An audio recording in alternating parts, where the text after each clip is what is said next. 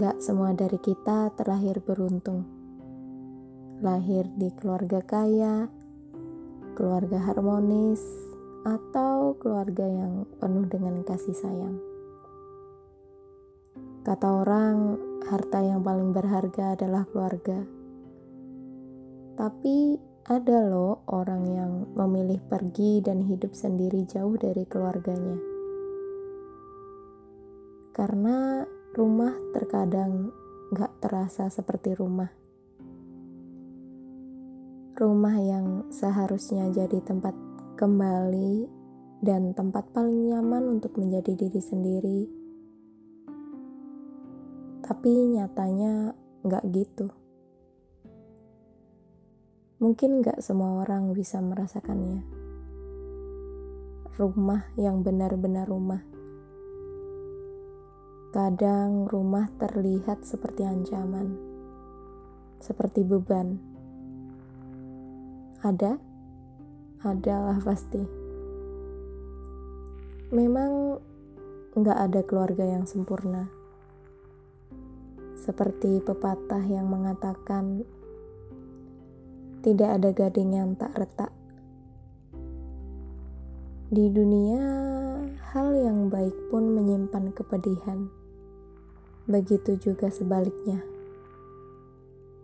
Ya, karena memang dunia harus seimbang, gak bisa berat sebelah.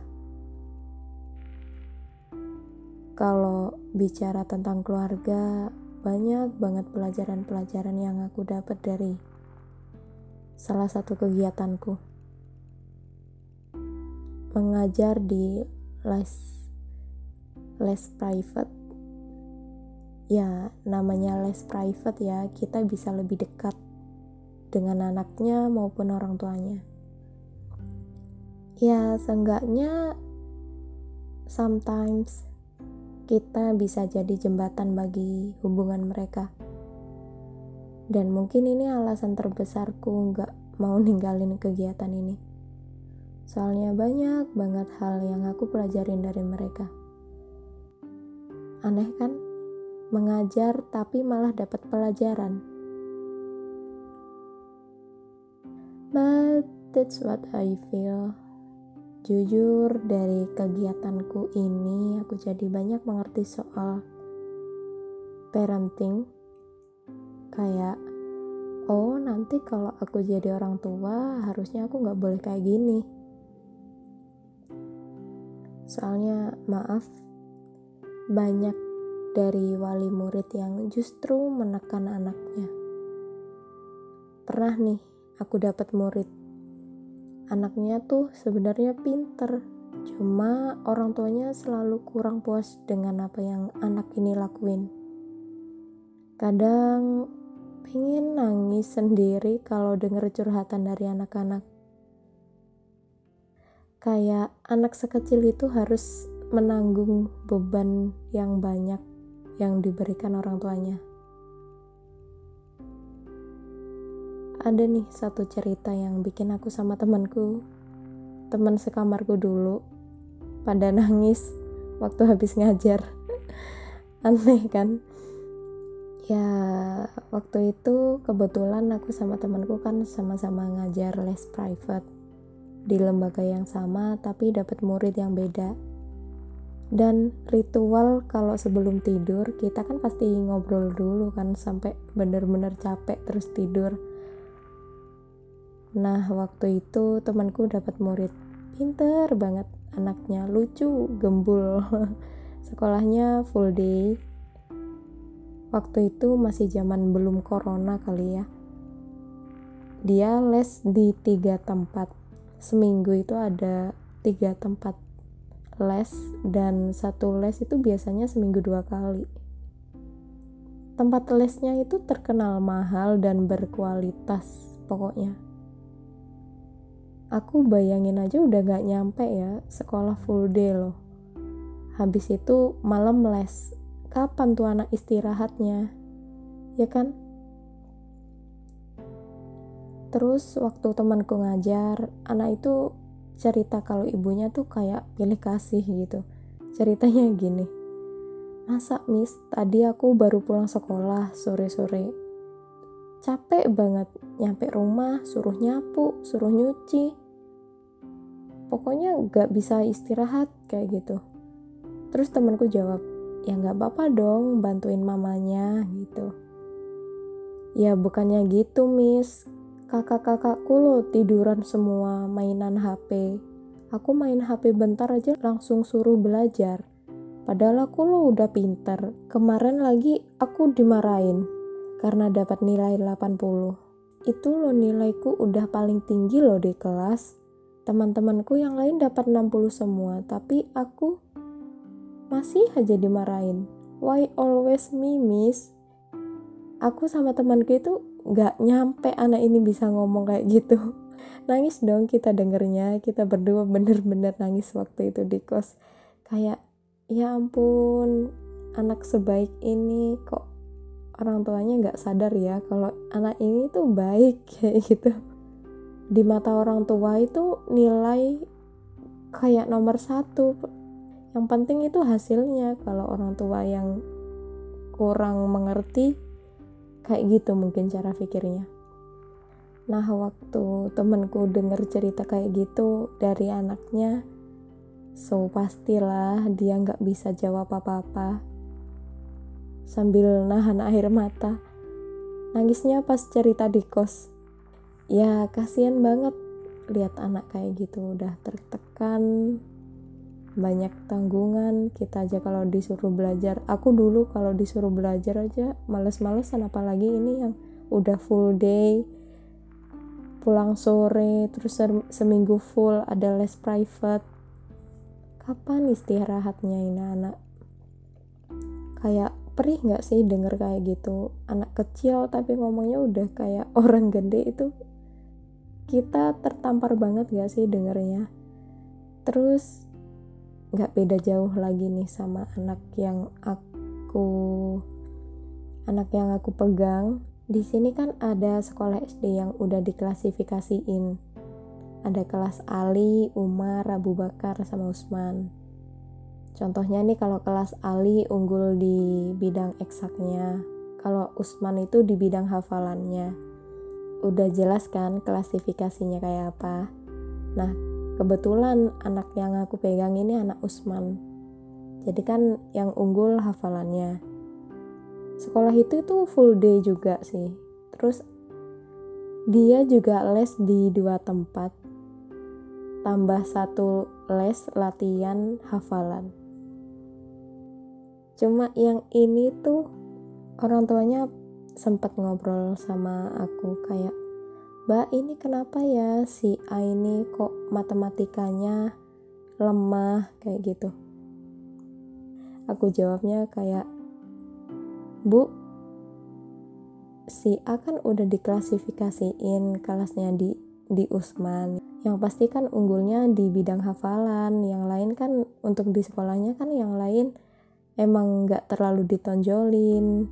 Kayak gitu. Jadi ya wajar lah kayak matematikanya lemah. Tapi yang penting dasar-dasarnya dia udah tahu kok bu. Kayak gitu. Ya semua anak nggak bisa ahli di segala bidang. Aku gituin kayak gitu terus. Ibunya bilang oh gitu ya mbak. Iya bu. Gitu. tapi si A ini udah udah bagus kok bu matematikanya. Ya aku gitu gituin lah. Ya soalnya capek nggak sih denger anak yang harus pandai semua harus pinter semua kayak kalau kita sendiri kayak gitu bisa nggak? Kayak gitu loh. Pengen banget aku gituin cuma ya ya udahlah. Itu buat pelajaran kita aja nanti kalau misalnya jadi orang tua ya jangan gitulah. Anak kan juga punya keahlian di salah satu bidang nggak semua bidang mereka harus bisa semua kan Nah, si A ini sebenarnya aku lihat anaknya juga nggak males-malesan. Mungkin malesnya karena capek atau benar-benar ngantuk. Kadang sampai waktu pelajaran les pun dia itu sambil ketiduran. Nggak mau bikin kecewa orang tuanya, anak itu itu sampai hafalan itu sampai ketiduran terus tak bangunin dia bilang hah gimana gimana ustazah gimana ustazah? Kayak gitu. Sering banget aku itu ngajar terus sambil nahan air mata gitu ya. Ya mungkin dari sini kita bisa belajar ya kalau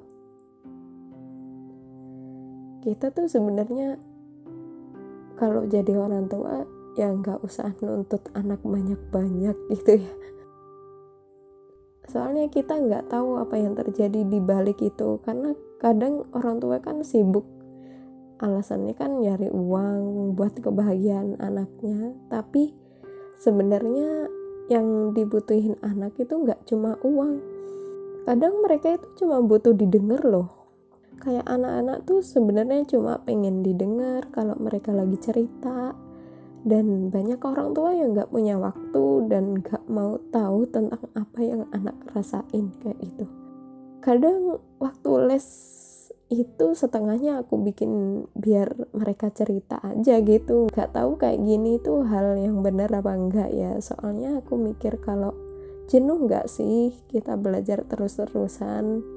Kayak belajar satu setengah jam mantengin buku terus jadi aku selingin lah waktu mereka sambil nulis aku ajak ngobrol kayak gimana tadi di sekolah? kayak gitu. Teman-temannya gimana? kayak gitu.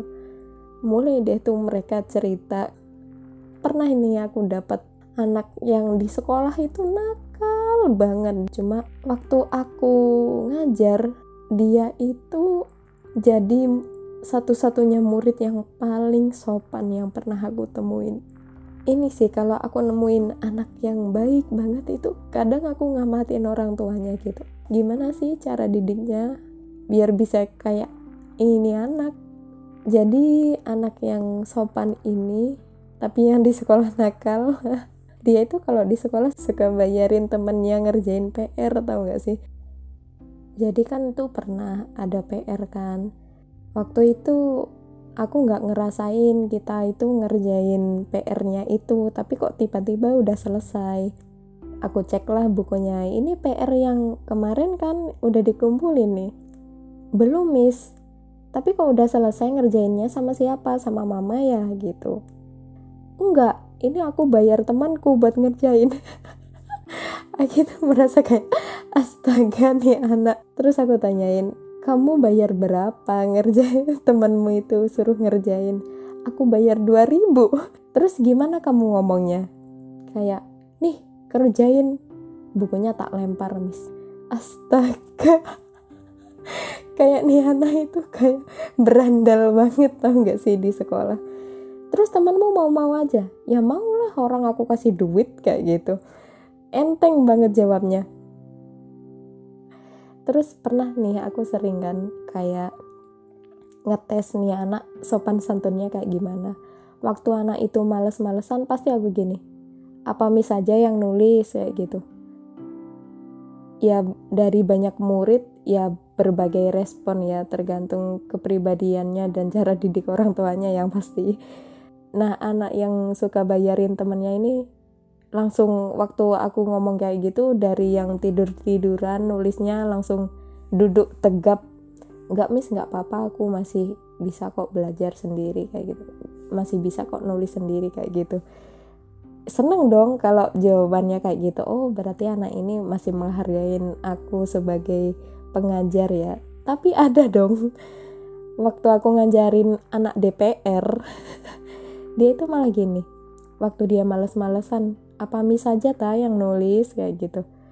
Terus dia jawab sambil ngasih pensilnya nih tulis saja kayak aku itu pengen pengen gue jitak tapi itu anak orang gitu ya. Terus ya ampun cuma bisa istighfar aja deh kalau jawabannya kayak gitu. Dan itu cuma satu itu aja sih yang jawab kayak gitu. Yang lain yang lain rata-rata ya enggak miss nggak usah biar aku sendiri aja jawabannya kayak gitu. Terus selanjut nih yang anak yang baik tadi ya. Anak yang baik tadi itu yang bikin aku terharu sih ini ya senakal apa pun dia cuma ke aku itu sikapnya ngehargain banget. Kayak yang lain itu kalau orang tuanya ngasih minum atau apa ya udah dibiarin. Tapi kalau dia itu kayak miss diminum dulu kayak gitu. Itu hal-hal kecil yang bikin aku tersentuh loh. Nggak semua anak bisa kayak gitu. Terus ada nih satu momen waktu hujan. Aku kan berangkat sama temanku. Terus kan aku ditinggal dia di tempat lain buat ngajar terus aku stay di situ kan. Terus waktu hujan aku nungguin kan di gang. Nggak bawa payung tuh. Cuma temanku kan bawa mantel kan ya dan dia itu nggak ada yang nyuruh nggak ada yang apa-apa. Di orang tua di rumahnya itu nggak ada emang dia sendirian waktu sore. Dia itu punya inisiatif buat buat mayungin aku sampai ke jalan nunggu temanku dateng kayak gitu. Dan itu di jalan aku nangis tau gak sih? Kayak wow nih anak adabnya hebat banget ya. Kayak gimana sih cara didik orang tuanya supaya anak ini punya inisiatif baik buat nolongin orang lain kayak gitu? Ini mis aku payungin nanti sampai jalan gitu. Ya terharu dong denger anak kecil nggak ada yang nyuruh dia inisiatif sendiri bilang kayak gitu. Kayak ya Tuhan nih anak baik banget dan semoga sampai besar alaknya tetap kayak gitu ya. Aku kalau lihat anak kecil baik tuh takut banget gedenya nggak kayak gitu gitu loh. Di zaman sekarang yang bener-bener nggak karu-karuan nemuin anak baik itu kayak kayak suatu berlian gak sih? Ya semoga baiknya sampai nanti dibawa sampai besar. Dan semoga nggak terkontaminasi dengan hal-hal apa pun. Takut banget gak sih lihat anak yang udah baik terus nanti amit-amit nih ketemu teman yang gak baik terus terkontaminasi kan sayang banget gitu. Kasihan orang tuanya kasihan dia juga kayak gitu. Ya kita nggak munafik sih harus pilih-pilih temen. Emang kita boleh berteman sama siapa pun. Kalau kita bisa jaga diri sendiri tapi kalau kita gampang ikut arus ya kita harus pilih-pilih kayak gitu. Soalnya ya mikir lagi lah kasihan orang tua yang udah didik kita pas endingnya kita kayak jauh dari ekspektasi mereka kan sedih juga. Jadi ya intinya nggak semua beruntung terlahir di keluarga yang seperti ekspektasi kita mungkin. Cuma kita yang udah dapat orang tua yang baik ya harusnya banyak-banyak bersyukurlah. Soalnya di luar sana masih banyak anak yang nggak beruntung punya orang tua yang penuntut dan segala macam kadang yang mematahkan impian anaknya sendiri itu justru orang tuanya kayak gitu. Aku sering dapat cerita-cerita dari teman-temanku kayak gitu kayak dia mau apa terus orang tuanya ngelarang padahal dia itu punya potensi banget punya potensi besar. Cuma ya sayang banget karena dilarang orang tuanya. Ya jadi dia nggak berkembang kayak gitu. So, kalaupun kita punya orang tua yang kayak gitu, yang menurut kita mungkin enggak baik, ya seenggaknya kita tetap hormatin lah. Ya, namanya orang tua, kita punya banyak hutang budi yang itu bakal nggak bisa kita bales sebanyak apa pun harta kita itu kita nggak bisa bales